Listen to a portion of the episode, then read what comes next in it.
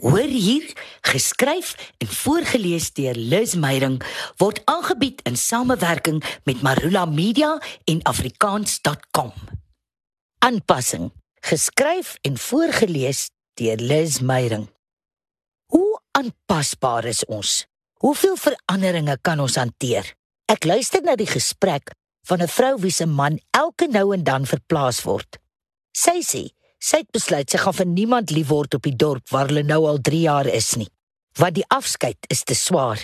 Dit is seker nie verkeerd om jou hart te bewaar nie, maar hoeveel loop ons mis as ons bang is vir hart weggee? Hoe ver waag ons in die naam van verandering? Hoe dapper is ons regtig oor die onbekende?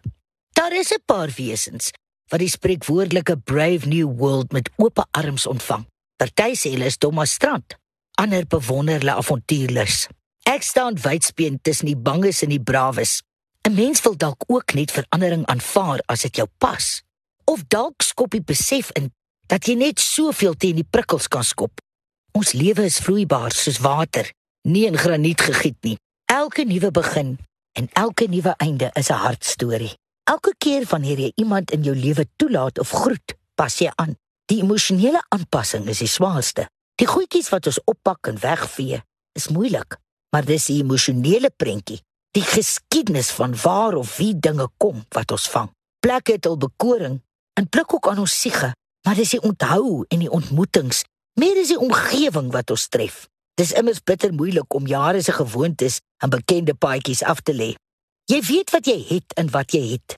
Jy kan nie ken wat jy gaan kry in dit wat jy nie ken nie. Jou spiere moet 'n nuwe taal aanleer nuwe ruimtes, nuwe mense in jou lewe inoefen. Met jou jarelange vriende en kollegas kan jy nou alwesinne praat. Trouwens, net 'n kyk na mekaar of die lig van 'n wenkbrau, die trek van 'n mond sê alles. As jy nuut moet begin, sê die vrou, is dit asof jy audisie moet aflê, eksamen skryf, sodat die ander kan besluit of hulle jou in hul vriendekring wil aanvaar. Jy moet sterk swaai en 'n mens word moeg vir sterk swaai. Die wysgede sê al wat konstant is, is dat niks konstant is nie. Die lewe hou geen waarborge teen verandering nie. Ons weet dit mos. En dit is interessant hoe graag Suid-Afrikaners, veral Afrikaners, teen verandering skop. Ek sien die patroon ook in my bedryf. Wanneer 'n nuwe TV-reeks begin, kerm die kykers. Dis nie so goed soos mm, na 4 episodes is dit skielik die beste ding op televisie. Sodra die reeks eindig, mord die moppie weer. Bring terug.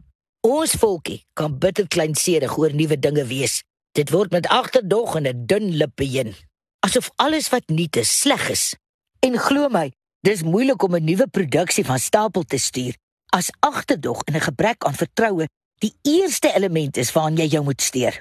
Maar ons woeker voort en dis heerlik as ons die verrassing in gehore se oë sien. Miskien voel ons nasie vuisfoos oor die ritse nuwe dinge wat ons moet hanteer. Genoeg is dalk genoeg. En tog verstom die mees onwaarskynlike siele my met hul pragmatisme. 'n Vrou van 94 wat deur haar lewe sterk en onafhanklik kon leef en altyd trots was daarop dat sy in niks en niemand se oë gekyk het nie, moes nou die dag besef die skrif is aan die muur. Kinta, verklaar sy sonder 'n sweepie selfbejammering, sonder 'n snik in die stem. Kyk, ek word nou swak. Belaglik, né? Maar ek loop nou moeilik, asof 94 jariges moet maratons hardloop. Toe ek my by die ouer huis gaan opskryf. Dis 'n miserabele plek vol vermoeides en verveliges, maar nou ja, wat moet moet. En wie jy? Ek gaan daai ouer huis regruk. Verandering sal die plooi brigade net goed doen. Hulle moet immers nog voel hulle het 'n toekoms. Ek weet nie of ek oor die ironie moet lag of oor die pathos moet huil nie, maar wat ek wel weet, is dat die 94-jarige vrou my 'n les geleer het. My skaam laat voel het omdat ek soos 'n kleuter voete stamp as sake nie vir my reg verloop nie. Dis 'n les wat elke verandering bevreesde op die hart moet skryf. Hoe sal ons nou ooit al die ervarings en onverwagse plesiere kon hê as ons nie iewers ons tone in die onbekende water moes steek nie? Die lekkerste dinge gebeur spontaan. As ons volronde, nee, nie in daai sin nie, ontwikkelde wesens wil wees, moet ons die brawe nuwe wêrelde wat die noodlot ons bied, oopkop omhels. Alles het 'n plan. By nabetragting verstaan ons dit ten dele, soms ten volle. Maar ek is nog steeds vies omdat ek 'n nuwe selfoon moet leer werk. Afrikaans is so lekker soos koeksisters braaibroodjies en kondensmelk koffie. Dit is jou taal. Dit is wie jy is en hoe jy leef. Daarom nooi ons jou. Kom skryf saam aan die toekoms van Afrikaans. Vir gratis leerhulp, taalnuus, vermaak, speletjies en meer. Besoek www.afrikaans.com en volg ons op sosiale media. Koop dit, lees dit, praat dit, leef dit. afrikaans.com. Jou tuiste vir alles oor Afrikaans.